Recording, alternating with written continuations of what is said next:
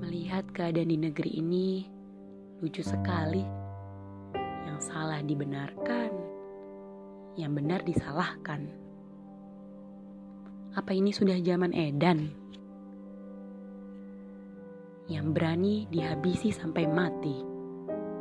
Yang jujur dihajar dan dikejar sampai hilang tak kembali. Katanya negara demokrasi, tapi semua anti kritik. Itu si para politisi. Berani bertindak, langsung dibentak.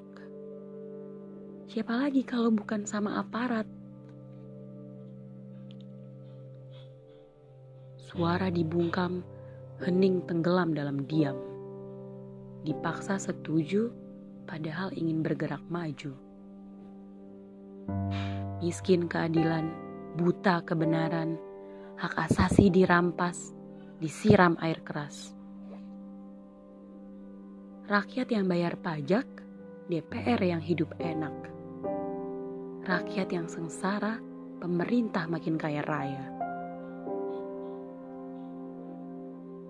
Korupsi makin merajalela, tapi pemimpinnya bilang kalau Indonesia sudah merdeka. Belum lagi media yang buta kata dan makna antara cari nafkah atau dosa, atau ketakutan menghampiri mereka.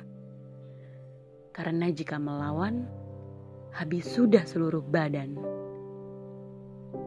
Hidup ini milik orang-orang yang berani, bagai nyawa yang tak bisa mati, walaupun mati itu semua demi NKRI.